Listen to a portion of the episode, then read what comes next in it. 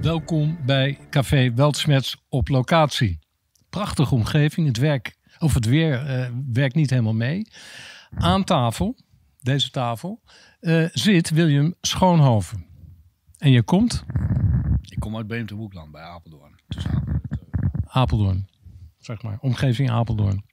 Uh, echte boer met 2000 stuks vees, vee. Dus een echt bedrijf. Uh, dan is mijn eerste vraag: van, heb jij je in het verleden laten verleiden om op te schalen?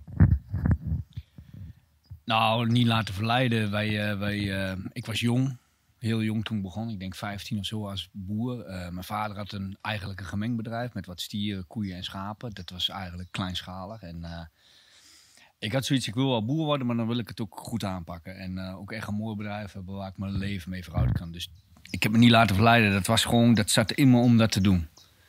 Dus dat heb ik uiteindelijk gedaan. Ja. Alleen uh, de overheid die heeft dat op een gegeven moment ook gevraagd. Hè? Om aan boeren om uh, te automatiseren, om groter te worden, om het efficiënter te maken. Het is echt een industrie geworden. Dus nou denk ik dat jij qua schaal, dat jij een, een industrieel uh, project hebt, toch? Ja. Maar wat betekent dat voor uh, jou naar de toekomst toe? Want kan dan de overheid zeggen van ja, sorry, dat was een vergissing, uh, we stoppen ermee? Nee, het klopt dat we. Wij, wij wilden dat graag, een groot bedrijf. En we zijn daar enorm geholpen met de overheidssubsidies, Europese subsidies. We, ja, er, waren van allerlei regelingen, investeringsregelingen, uh, premies om, om dieren te houden. Dus uh, daarmee kwam alles echt in de versnelling om het, om het eigenlijk nog, uh, nog beter aan te pakken als wat we ooit van plan waren. Um, ja, je ziet nu dat de overheid eigenlijk alleen nog maar uh, geld over heeft om diezelfde bedrijven die met subsidie groot geworden zijn weer af te breken. Met allerlei stoppersregelingen en dergelijke. En uh, ja, dat, dat nekt ons behoorlijk. Dat, dat zorgt ook dat de motivatie wel een beetje verdwijnt. Ook voor de jonge boeren in ieder geval. Ja, of je wordt juist heel boos. Dus de motivatie om er tegenin te gaan. Ja dat klopt. Nee, dat klopt. Kijk, uh, wij snappen het sowieso niet. Waarom, waarom moeten wij kapot te stoppen al zoveel boeren? We hebben een heel efficiënt bedrijf en een heel mooi bedrijf. En uh, wij willen voedsel produceren, iedere dag weer. En wij snappen niet waarom wij kapot moeten. Ook echt uh, bewust, zeg maar, vergunningen worden ingetrokken. En uh, nou ja, ja, alles uh, wordt gaan gedaan om het bijna onmogelijk te maken. Zodat je het wel, uh, nou ja, of gedwongen of vrijwillig wel op gaat geven. Dat... Maar, maar, kan het dan zijn dat er iets anders ligt uh, als agenda? Ik kan me voorstellen dat de overheid zegt van ja, we hebben die grond eigenlijk nodig om de toekomst van Nederland veilig te stellen. In het grotere geheel van Europa. we hebben die grond nodig. En ach, die boeren die we overhouden, dat is genoeg voor Nederland en België. En daar houden we het bij. Uh, maar we willen, we, willen, we willen woningen. We willen een industrieel complex willen we, willen we opbouwen. We willen een groot stedelijk gebied bouwen. Is dat, is dat niet, speelt dat bij jullie, die, die, die, uh, die, uh, die gedachte? Ja, natuurlijk speelt die gedachte. Wij, wij weten als boeren natuurlijk niet precies wat de bedoeling is. Want dat vertellen ze ons niet. Duidelijk is wel, uh, stikstof, dat is voor ons gevoel wel een beetje afleiding. Is sowieso een gecreëerd probleem, dat zie je aan alle kanten. Uh, de, in 2019 zijn we begonnen met de demonstraties en toen kwam uh, het Landbouwcollectief. Dit heeft een plan gemaakt om stikstof te reduceren, 70% reductie, eigenlijk meer dan wat er gevraagd werd. Dat kostte 3 miljard. Nou, dat plan waren ze niet in geïnteresseerd. Ehm, alles ehm, wat de boeren doen. De boeren hebben natuurlijk heel veel stikstof gereduceerd. Maar je ziet nu ook gewoon, ze zijn niet geïnteresseerd in stikstofreductie. Waar ze in geïnteresseerd zijn, uh, dat is gewoon minder vee, minder boeren. Daar is alles op gericht. En alles wat niet productief is. En uh, of dat nou biologisch is of natuurinclusief. Maar alles wat niet of veel minder productief is, dat krijgt aandacht. En de gewoon de efficiënte, productieve bedrijven, en daar vallen wij onder. Ja, dat is eigenlijk gewoon... Uh, dat moet zo gauw mogelijk verdwijnen. Dat merk je echt aan alles. Ja. Dus uh, uiteindelijk, uh, ja, ik denk zelf, als ik gewoon om me heen kijk, dat er gewoon een doel op zich is om echt de voedselproductie te vernachelen uh, lokaal. Ja. En uh, ja, en of het puur om de voedselproductie gaat en, en dat dan uit het buitenland halen, zodat ze daar controle op hebben, dat zou kunnen. het zou ook kunnen, als je nu gewoon kijkt de laatste jaren, dan zijn toch de boeren en het platteland, dat is toch wel een beetje de ruggengraat van de samenleving. Dat ze gewoon denken van nou die ruggengraat moet eruit en dan hebben we de rest wel onder controle. Maar dat, dat durf ik ook niet goed te zeggen. Ik, ik hou ook helemaal niet van allerlei complottheorieën. Maar ik kijk wel gewoon wat, wat gebeurt er en wat, wat, wat is er aan de hand. Dat probeer ik wel in de gaten te houden. Nou ja, kijk, wij zien het als, uh, als journalistiek medium, zien wij dat er een patroon is. Hè? En dat patroon is al uh, nou ja, ruim tien jaar aan de gang. Uh, dat is ook de reden waarom Weltsmits is opgericht. We zien een patroon aan de kant van de gezondheidszorg, aan de kant van de wetenschap, aan de kant van de media je ziet aan alles dat datgene gedaan wordt wat je eigenlijk als mens en als burger niet zou willen. Omdat het, wat jij zegt, vernachelt. Het vernachelt de journalistiek, het vernachelt de gezondheidszorg, het vernachelt de wetenschap, het onderwijs en dan gaan we door. Er zijn geen, althans zover als ik het kan beoordelen, zijn er geen maatregelen uit de, uh, de regeringen Rutte voortgekomen die ten behoeve en ten gunste van de burgerbevolking heeft plaatsgevonden. Nou is er tussen aan de ene kant de burgers die daar zeg maar kritisch op zijn. En we noemen dat tegenwoordig wakkeren. Maar volgens mij is iedereen wel wakker. Maar sommigen zijn iets meer wakker dan anderen. Uh, maar er is tussen de, de, eh, zeg maar, tussen de burger en de boerengemeenschap eigenlijk nooit een connectie gemaakt. Nou, dat is natuurlijk niet helemaal waar. Dat is de laatste paar jaar wel gebeurd. En... Uh ja, ook wel op. op ja, doe je dan op alle actiegroepen? Nou, ik, ik doe op, uh, op het feit dat er natuurlijk best wel heel veel geprotesteerd is. Zeker in die coronaperiode is er veel gedaan, maar daarvoor ook. Jullie hebben in 2019 hebben jullie in Den Haag gestaan. Ik weet wel dat de politiek en de politie daar uh, behoorlijk uh, van schrokken. Met al die tractoren toeterend door de, door de binnenstad. Wij waren er toen op dat moment ook. We hebben ook gezien dat daar, daar enorme obstakels werden ingericht door de politie zelf. Om te voorkomen dat jullie met die tractoren Binnenhof op zouden komen.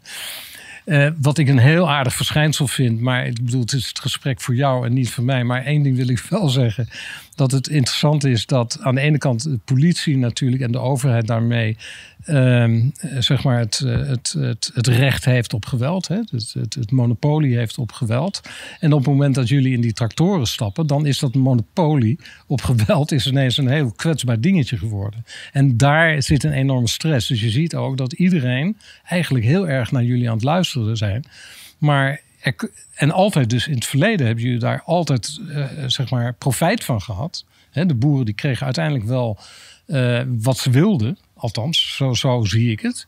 Uh, alleen nu ineens niet meer. Dus het lijkt nu wel alsof, alsof er besloten is van we gaan niet meer mee en laat ze maar komen. Weet je wel? Vandaar ook dat het nu echt uit de hand aan het lopen is. Klopt dat een beetje, dat beeld?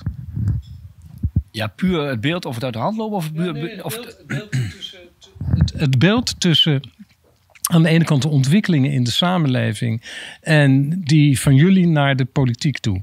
En dat dat eigenlijk nooit bij elkaar is gekomen en nu dus wel, denk ik. Ja, maar dat komt nu, dat komt nu bij elkaar en dat is natuurlijk al langer aan de gang. En uh, ja, er is best wel veel contact met al die uh, je burgerfront en Nederland in verzet en gele hesjes en de truckers en de dokkers en de vissers en noem al die groepen maar op. Daar is contact. Um, nou ja, als ik het even kort samen mag vatten, zo, zo, um, zo hard als ze vorige week allemaal schreeuwden, zo rustig waren ze maandag. Behalve de boeren, die gingen daar... Uh, behoorlijk erin maandag.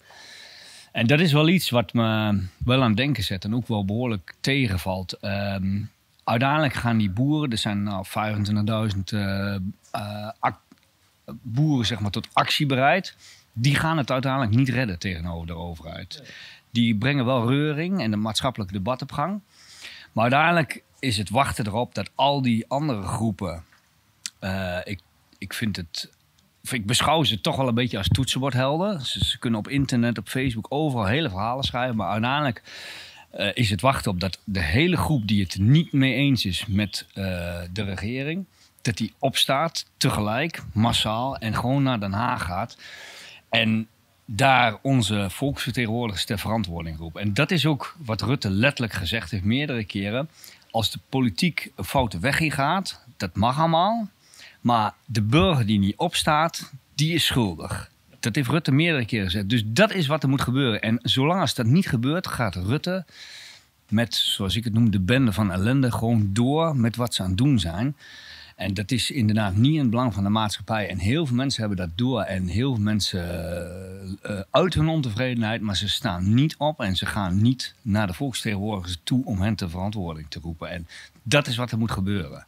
Ja, ik ben het ook heel erg met je eens. En ik uh, moet ook zeggen dat wij met smart zaten te wachten op een groep uit de samenleving die echt zou doorzetten en zijn vuist zou maken. Uh, we hebben op een gegeven moment gedacht, de moeders van de kinderen die uh, geprikt werden, zouden die gaan opstaan? Zouden die het verschil gaan maken? Uh, zijn het de artsen die het verschil gaan maken? Nu zijn jullie het. Maken jullie het verschil? Dat is mijn vraag is eigenlijk. Gaan jullie dat verschil maken? En hoe kunnen we dat verschil zo maken dat de hele samenleving meegenomen wordt? want dat is echt van belang.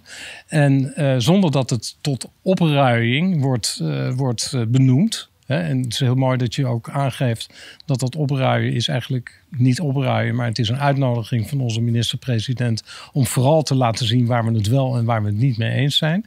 En als dat niet op een democratische manier kan, dan mogen we dat van onze minister-president op deze manier doen. Dus het is heel fijn dat dat mag en dat doen we dus ook. Maar hoe krijgen we nou, hoe krijgen we die vuist van tot hier en niet verder? Ja, dat is een hele goede vraag. Dat vraag ik me ook echt af. Um, volgens mij is, als we met een paar miljoen mensen naar Den Haag gaan, volgens mij is dat democratie. Dat, dat, uh, ja, dat, is, dat is democratie volgens mij, ten top. Ja, hoe krijgen we die vuist? Ik denk, uh, die boeren zijn goed georganiseerd. Het is een heel klein groepje mensen maar zijn goed georganiseerd. Die hebben contact met elkaar allemaal. En als ze zeggen we gaan met z'n allen, dan gaan ze met z'n allen. En daar is ook geen discussie over. En uh, er zijn best veel burgers die op het moment aan willen sluiten bij ons. Het heeft een aanzuigende werking, die acties. Uh, alleen waar als boeren denken van ja, oké, leuk dat jullie met ons mee willen en tussen de trekkers staan met spandoekjes en uh, jullie steun betuigen, maar het, ehm, wat jullie zouden moeten doen is ook organiseren, net als de boeren. En als jullie zeggen we gaan, dan ga je. En met al die ontevreden mensen en uh, geen discussies over. Uh, nou, uh, bij boeren heb je natuurlijk ook heel veel verschillen. Je hebt varkensboeren, akkersbouw, kippenboeren. Bioboeren. Ja. Van allerlei boeren. Maar we staan op dit moment met een grote groep boeren wel schouder aan schouder. En gooi al die verschillen over tafel, overboord. En dat zouden de burgers ook moeten doen. De, we hebben de huismoeders, de artsen, al die groepen. Maar we hebben een gezamenlijke vijand. Uh, of vijand in ieder geval uh, waar we mee te, te, te dealen hebben. En gooi al die verschillen overboord en ga gezamenlijk gewoon naar Den Haag. En ga gewoon opstaan en zeggen we tot hier en niet verder. En we doen het niet langer. Maar is het zo in de boerengemeenschap dat iedereen bedreigd wordt in zijn bestaan? Nou, niet iedere boer, maar de, we worden natuurlijk behoorlijk tegen elkaar uitgespeeld. Dan is het die, die groep en dan die groep. Maar als boeren uh, wordt er in, inmiddels niet meer individueel gedacht. Uh, er zijn ook boeren die nu buiten schot blijven met de nieuwe stikstofplannen. Maar die gaan wel mee, want die weten dat zij de volgende zijn. Dus we staan schouder aan schouder en er wordt niet individueel mee gekeken. Ja. Ja. Dat is mooi. Hoe zie jij je eigen toekomst? Ja, ik vind dat moeilijk. Uh, in te schatten. Uh, nou, wij, uh, wij gaan wel door. We hebben ook een heel goed bedrijf, dat moet ik gewoon zeggen. Uh, mijn kinderen hebben interesse om, uh, om, wel om boer te worden. Die zijn nog jong, maar die zijn wel echt altijd ermee bezig. Ehm, maar ik kan... Ik denk zelf dat we over tien jaar niet meer het bedrijf hebben zoals we het nu hebben. Ik denk dat het over tien jaar veel minder productief is dan dat het nu is. En ja, daar maak ik me best wel zorgen over. Ja. Dat, dat, ja, dat voelt niet goed. Ook voor je kinderen neem ik aan. Ja. Uh, ik vraag me gewoon af waarom. Weet je, wij zijn eerlijke, hardwerkende mensen en we produceren voedsel. Waarom kunnen we daar niet gewoon ongestoord ons gang gaan? En waarom moeten we daar altijd op tegengewerkt worden op allerlei manieren? Ben je gelovig? Ik ben gelovig. Uh, praktiserend? Ja, praktiserend. Ik ken de Bijbel van haven tot God. Ik ben ook echt geloof. Ik ben niet, niet heel. eh, ik heb niet heel veel met kerkmensen of zo, maar wel met het geloof. En eh, nou ja, eh, ik ken de Bijbel ook heel goed. En daar zie je ook in, in openbaringen, als je daarop doet, natuurlijk wel waar het een beetje naartoe gaat. En ehm, ja, nou ja, dat, dat, dat, dat zie je nou langzaam wel, wel, wel vorm krijgen. We moeten er doorheen. Ja, zeker. We moeten er doorheen. Dus uiteindelijk komt het ook goed. Ik, het is ook niet, ik loop niet bij een psycholoog. Er zijn boeren bij ons in de groep zat. eh, nou ja, er zijn er inmiddels voldoende die ze hebben zich opgehangen. Die zien het niet meer zitten. Er zijn boeren die eh, bomen van kerels. Die moeten op het land aan het werk zijn. Lopen bij een psycholoog. Eh, in zoverre raakt mij het niet, zeg maar. Ik, ik, ik kijk er wel overheen, weet je. En, en, en pakken ze me de boerderij af. Ja, ehm, mijn leven hangt niet af van de boerderij, maar het voelt niet goed. Het voelt ook als echt als onrecht. Dus we strijden er wel voor en daar gaan we ook echt mee door. En eh, dat zie je bij al die boeren. Die, die geven het niet op, die gaan ervoor en die hebben nou aangezegd. En die, eh, nou ja, ehm, ja, de grenzen in het actievoeren van wat wel en niet mag, die zie je ook langzaam wel opschuiven. Ook boeren die nog nooit op de trekker gestapt zijn, die nu in één keer komen en denken van nou eerst drie jaar geleden dachten ze het valt misschien wel mee. En, en, eh, die radicale boeren die hebben altijd wat en nu zien ze van ze, ze hebben gelijk en als we niet wat doen gaan we eraan. Wat zou je collega's willen zeggen als laatste? Nou, ik ben trots op mijn collega's. Die, eh, zeker de collega's die opgestaan hebben. Ik heb daar respect voor. En eh, als wij als boeren alleen blijven staan zoals het nu is... en de bijval is eh, niet groter als wat het nu is vanuit de maatschappij... dan weet ik niet of wij het, eh, het verschil gaan maken... Maar dan ben ik wel trots op dat we het geprobeerd hebben met z'n allen. En dat we er echt voor gevochten hebben. Letterlijk voor ons voortbestaan. En eh, nou, op al die collega's die opgestaan zijn, daar ben ik enorm trots op. Dat, Ja, maar het klinkt wel alsof je denkt dat het vechten is tegen de bierkaart. Terwijl ik denk van als wij met elkaar doorvechten, gaan we dit gewoon winnen. nee, maar dat zeg je goed. Als we met elkaar doorvechten, gaan we dit winnen. Maar wat ik al meerdere keren genoemd heb, dan moet. Het is nu ook niet meer tien voor twaalf of vijf voor twaalf. Het is twaalf uur geweest. Dan moet nu de hele maatschappij, alle mensen die wat te klaar hebben, moeten opstaan. Achter het toetsenbord vandaan komen en meedoen. En, en eh, ja, gaan eh, onze, onze burgervertegenwoordigers de verantwoording roepen. Maar nou, nou even één stap verder. Hè. Het is zomer, eh, prachtig weer, de zon straalt.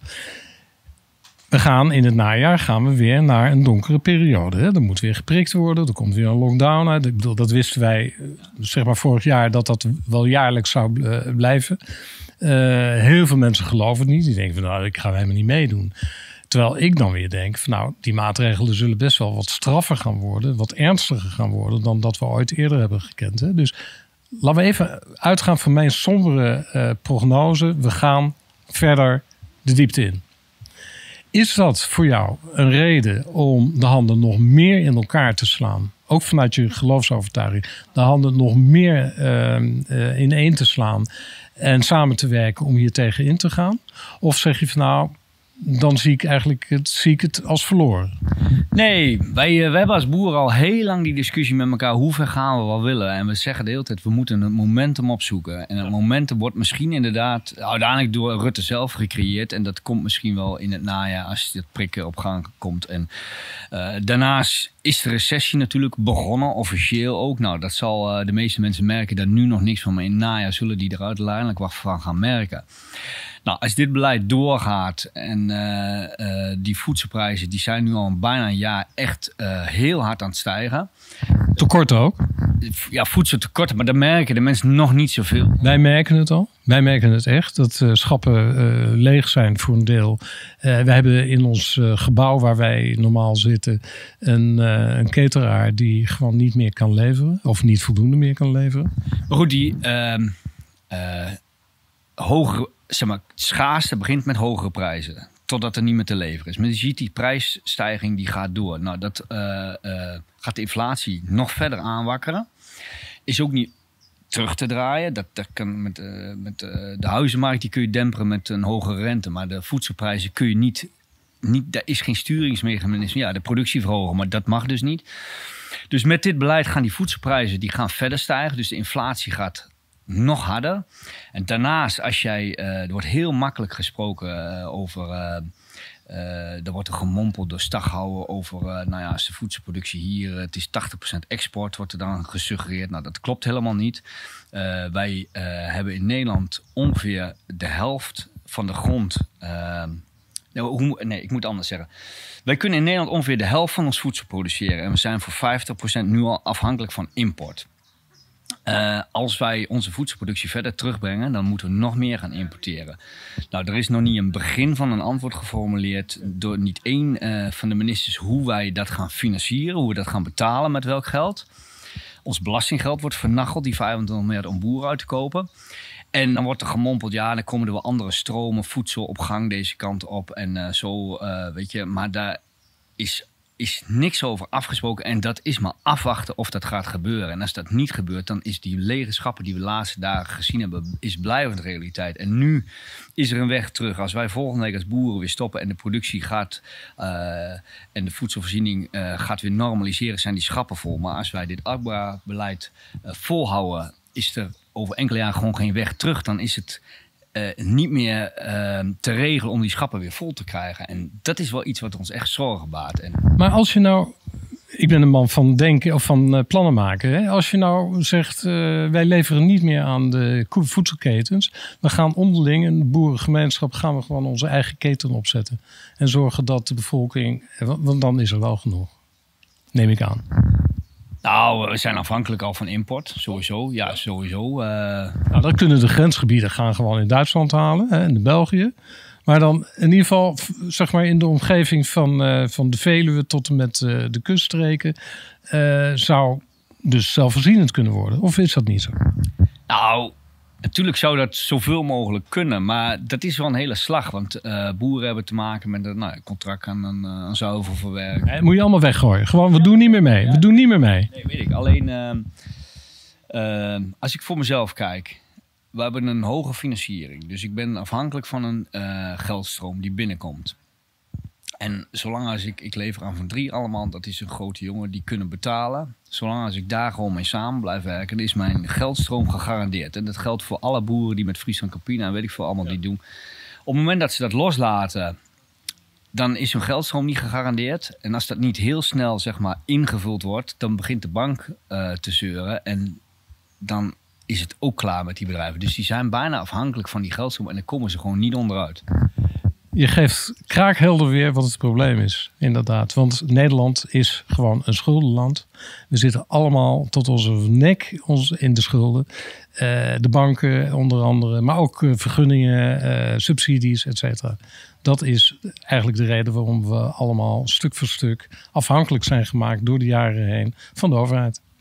En dat is een heel triest, een trieste constatering. Maar we hebben er wel mee te dealen.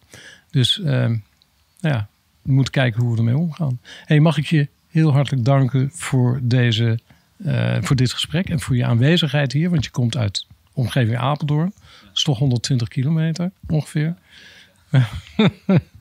Dankjewel. En uh, nou ja, dit was uh, Willem Schoonhoven.